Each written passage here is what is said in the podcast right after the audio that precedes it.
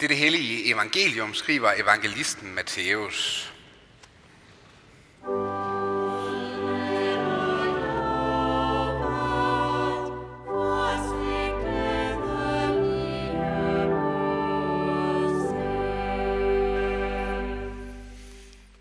Jesus sagde, det er med himmeriget som en mand, der skulle rejse til udlandet og kaldte sine tjenere til sig og betroede dem sin formue. En gav han fem talenter, en anden to, og en tredje en. En hver efter hans evne. Så rejste han. Den, der havde fået de fem talenter, gik straks hen og handlede med dem og tjente fem til. Ligeledes tjente han med de to talenter to til. Men den, der havde fået en talent, gik hen og gravede et hul i jorden og gemte sin herres penge. Lang tid efter kommer disse tjenere os herre tilbage og gør regnskab med dem. Den, der havde fået de fem talenter, kom og lagde andre fem talenter på bordet og sagde, Herre, du betroede mig fem talenter. Se, jeg har tjent fem talenter til. Hans herre sagde til ham, Godt, du gode og tro tjener. Du har været tro, du har været tro i det små. Jeg vil betro dig meget. Gå ind til din herres glæde. Og så han med de to talenter kom og sagde, Herre, du betroede mig to talenter. Se, jeg har tjent to talenter til. Hans herre sagde til ham, Godt, du gode og tro tjener. Du har været tro i det små. Jeg vil betro dig meget. Gå ind til din herres glæde. Så kom også han, som havde fået det ene talent, og han sagde, Herre, jeg kender dig som en hård mand, der høster, hvor du ikke har sået, og samler, hvor du ikke har spredt. Og af frygt for dig gik jeg hen og gemte din talent i jorden. Se, her har du, hvad der er dit. Men hans herre sagde til ham, du dårlige og dogne tjener, du vidste, at jeg høster, hvor jeg ikke har sået, og samler, hvor jeg ikke har spredt. Så burde du have betroet pengene til vekselerende, så jeg havde fået mit igen med rente, når jeg kom tilbage. Tag derfor talenten fra ham og giv den til ham med de ti talenter. For enhver, som har, til ham skal det gives, og han skal have overflod. Men den, der ikke har, fra ham, fra ham skal, det, skal selv det tages, som han har. Og kast den udulige tjener ud i mørket udenfor. Der skal der være gråd og tænderskæren. Amen.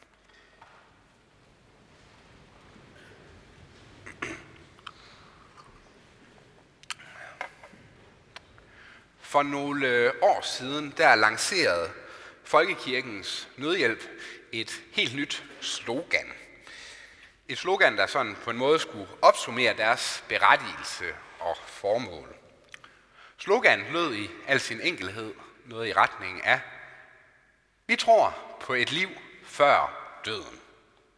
Vi tror på et liv før døden. Derfor gør Folkekirkens Nødhjælp sammen med forskellige andre nødhjælps- og hjælpeorganisationer en meget ihærdig indsats rundt omkring i verden for at række en hjælpende hånd der, hvor der er brug for det. Man skal ikke se særlig mange minutter af TV-avisen, før det bliver særdeles åbenlyst for os, at der er rigtig mange steder, hvor der er brug for en hånd. Der er der er brug for hjælp. Mange af de her nødhjælps- og hjælpeorganisationer, de har rod og baggrund i det kirkelige. I kirken der har vi ligefrem et ord for det, et særligt ord. Vi kalder det for kirkens diakoni, kirkens tjeneste i verden. Det er en helt, nødhjælpsorganisationerne er en helt konkret udmyndning af den tanke om, at vi som kirke har en sendelse og en kaldelse i den verden, som vi er en del af.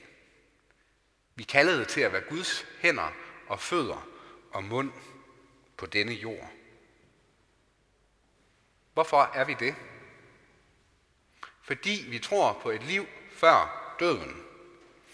Derfor hjælper vi, og derfor stiller vi os til rådighed. De kristelige nødhjælpsorganisationer, de kan hjælpe os til, og de kan minde os om noget, der er meget vigtigt. At det her med troen på Jesus Kristus også må være noget, der har betydning for det liv, som vi lever lige nu og her. Det er en påmindelse om, at evangeliet om Jesus, vores tro på ham, det er ikke kun noget, der er teoretisk og ukonkret for os. Det er så snublende let, og det ligger nært for os at få reduceret kristendommen til noget, der kun vedrører vores eget indre menneske. En privat kristendom. En kristendom, der derfor går hen og bliver verdens fjern og gjort til noget, der først for alvor kan komme os til gode, og som vi kan få glæde af, når vi har taget vores sidste åndedrag, når døden er indtruffet. Det er en kristendom, der kun sidder i hjernen. En kristendom, der ikke har bevæget sig fra hovedet og ned i hjertet, videre ud i vores hænder og i vores fødder og i vores mund. Det betyder, at troen ikke får nogen praktiske konsekvenser for os i det liv, vi lever nu og her. Og på en måde så kan man faktisk sige, at når vi gør det, ja, så får vi gravet vores kristendom, ja, evangeliet, vores formue, ned i et stort, sort hul. Så smider vi en god mængde jord ovenpå, og så tænker vi, at så kan vi jo lige grave skatten op, hvis vi nu skulle få brug for den en gang. Kristendommen, ja evangeliet, og vi kan gå videre. Gud selv, han ønsker, at vi ikke skal grave den formue ned, som han har betroet os. Ideen med en formue er, at den skal bruges og investeres.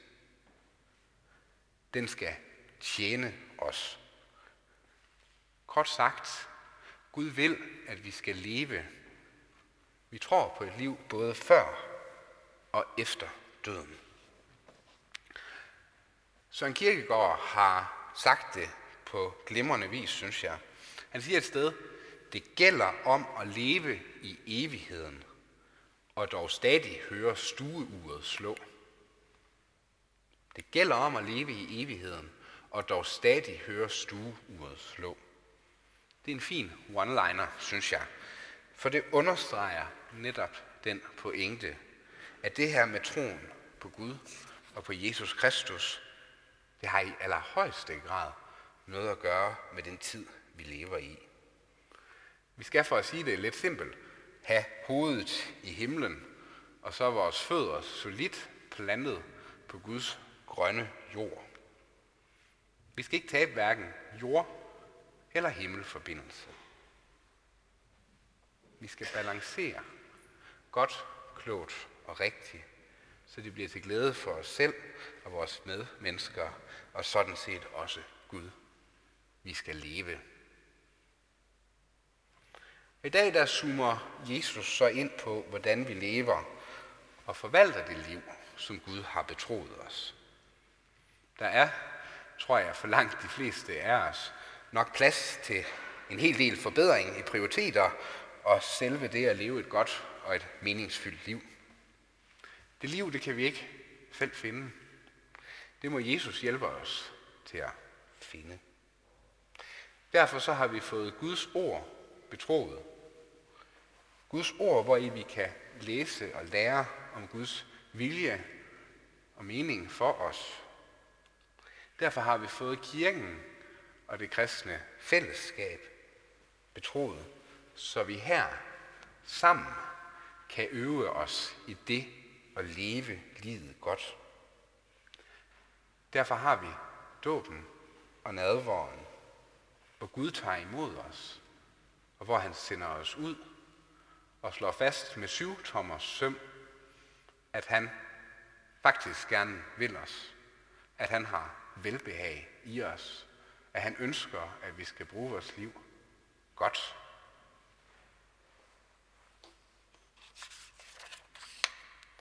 Gud har betroet os adskillige gaver og talenter, som han vil, at vi skal bruge og forvalte godt og fornuftigt. Og en af de gaver, og det er vel den største af dem alle næsten, det er livet selv. Livet er en gave, men livet er også en opgave. Vi skal bruge livet, vi skal leve det klogt, godt og kærligt med hinanden. I dagens evangelium, som er et af de mere alvorlige, Jesu lignelse om de betroede talenter, der gør Jesus også opmærksom på, at det bestemt ikke er ligegyldigt, hvordan vi lever og forvalter det liv, som Gud har givet os. Den velhavende og generøse herre, der uddeler sin formue til sine tjenere, det er et billede på Jesus og på os. Hver tjener er blevet tildelt en betydelig formue. Der er ikke nogen, der bare får lidt. Alle har fået meget, og så er der nogen, der har fået lidt mere end andre. Den ene tjener, han fik en talent. Det er en vægtenhed. Og den svarer til sådan cirka 25-30 kilo sølvmønter. Det er en helt enorm formue. I nutidskroner, der svarer det vel til sådan cirka omkring 6 millioner. Det kan vi så gange med henholdsvis 2 og 5 med de andre tjenere. Og så står og ligger konklusionen jo umiddelbart for. Tillykke, du er faktisk millionær. Måske ikke på bankbogen, men så i livet. Det er det, Jesus han prøver at åbne vores øjne for. Vi kender også ordet talent fra vores moderne sprog, altså noget, som er en evne eller evner, vi, sær, vi hver især er blevet givet. Og inden vi nu bliver alt for krænket, så ved vi jo godt, at nogle mennesker er mere talentfulde end os andre. Sådan er det bare. Sådan er det bare. Men fælles for os alle, det er det dog, at vi har alle talenter, gaver, evner, ja et liv, der kan gøre en forskel for andre. Som kan gøre en forskel for andre, der hvor vi nu engang er sat, hvis vi ellers tør at bruge af vores rigdom. Det er gaver og det er evner. De skal bruges og investeres. Vi har ikke fået dem for at grave dem ned og gøre dem ubetydelige. Vi skal bruge dem kort og godt. Herren rejste bort i lignelsen. Det gjorde Jesus også på Kristi Himmelfarts dag. Og vi venter endnu på, at han skal komme igen. Han skal komme tilbage for at dømme levende og døde, som vi bekendte i trosbekendelsen. Når, og ikke hvis, Jesus han kommer igen, så vil han samle os alle, ligesom Herren gjorde det med sine tjenere. Og så skal vi aflægge regnskab for vores forvaltning af den formue, Gud har betroet os. Så vil han spørge os, hvad gjorde du med det liv og de evner, du fik betroet? Var vi arbejdsomme, investeret? Tur vi at satse lidt af formuen, også tage nogle dristige skridt? Hvad gjorde vi med det liv og de evner, vi fik? Gravede vi hele mulevitten ned i et dybt hul, og nu når vi så alligevel var i gang, endte vi så selv med også at falde ned i det hul. Så vi blev inaktive, måske dogne, måske frygtsomme og bange. Måske tænkte vi, at det alligevel ikke nytter noget. At jeg ikke dur til noget, og ikke kan gøre en forskel på den her jord. Det var det, der gik så frygtelig galt for tjeneren med den ene talent. Han levede sit liv under frygtens fortegn. Han var ræd for Gud, og han krøb langs murene for at undgå, at Guds hammer skulle ramme ham i hovedet. Måske frygtede han at blive afvist. Måske frygtede han at tabe ansigt. Måske frygtede han, at han ikke kunne slå til, hverken over for sine medmennesker eller for Gud. Frygten drænede ham, kort sagt. Den tapper for energi og overskud og frimodighed. Og så sætter den os udenfor. Den sætter os over i hjørnet, i mørket, hvor der er gråd og tænder skæren. Ikke rart. En grum skæbne. Men det er simpelthen ikke den måde, Gud ønsker, at vi skal leve og forvalte det liv på, som han har givet os. Jesus han siger et sted, og hvis vi sådan skal opsummere det hele lidt, frygt ikke, tro kun. Frygt ikke, tro kun. Og det er netop det, det handler om for et døbt og et troende menneske. Frygt ikke, tro kun. For vi kan i tro kaste os ud på det dybe vand. Vi kan sejle ud på søen. Og så ved vi, at der kommer nogle gange storme, og så er der stille vand, akkurat som livet er. Men vi kan kaste os ud i det i tro og med frimodighed. Vi kan tjene Gud med de gaver og de talenter, ja, med det liv, vi er blevet givet, og gå ud i livet med oprejst og rank ryg. Ikke fordi vi sådan over natten pludselig på magisk vis er blevet til sådan nogle super mennesker, der altid laver kloge og fornuftige investeringer, som ikke taber formuer og så videre. Nej, vi evner ikke at gøre alt til perfektion. Men vi ved, og det var det, som Lina Sandel, hun prøvede at minde os om i hendes fremragende salme, vi sang øh, lige før prædikenen. Så lyder det i et af versene. Jeg har en bror, Jesus ved min side, som altid træder frem for mig. Jeg har en nådestrøm så vid, som himlens vælving strækker sig. Jeg har en nådestrøm så vid, som himlens vælving strækker sig. Der er altså god plads. Og sådan er det i Guds rige, der er højt til loftet.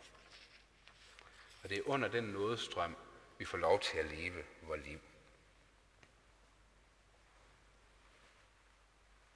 Den gode nyhed til os i dag, den er, at det væsentlige er faktisk ikke mængden af vores formue, om vi spildte det hele.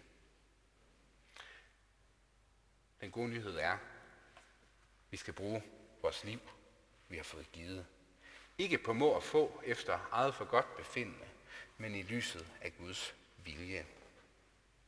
Det væsentlige er, at du tør tro på dig selv og på de gaver og de evner, som Gud har lagt ned til dig. Som han vil, at du skal bruge til glæde og velsignelse, der hvor du færdes. Måske er du betroet lidt eller meget, eller midt imellem. Det er underordnet. Brug det. Og når vi gør det, så lyder ordene. Du har været tro i det små. Jeg vil betro dig meget. Regnskabets time. Regnskabens dag. Den kan vi gå i møde uden frygt. For vi ved, at Jesus er en nådig og generøs herre. Ja, en herre, der faktisk har givet os evigt plus på kontoen. Har vi fat i ham, så kan det aldrig gå galt. Derfor, vi kan gå ud i livet i fred, uden frygt, og tjene Herren og vores næste, vores medmennesker, med glæde og fuld frimodighed. Og så kan vi bede med på Lina, Lina Sandels salme. O Jesus, åbn du mit øje, at jeg må se, hvor rig jeg er. Og må jeg tør og ture bruge det. Ære være faderen og sønnen og helligånden, sådan som det var i begyndelsen, således også nu og altid og i al evighed. Amen.